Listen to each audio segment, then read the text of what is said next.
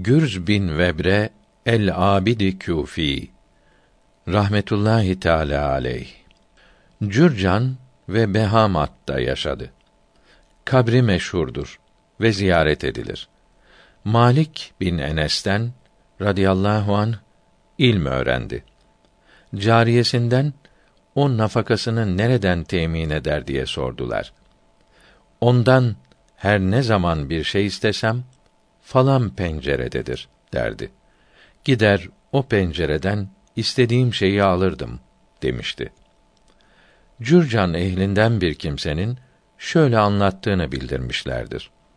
Rüyamda Cürcan kabristanını geziyordum. Kabirlerde bulunanların hepsi beyaz elbise giymişler, oturuyorlardı. Onlara size ne oldu ki beyaz elbiseler giydiniz diye sordum.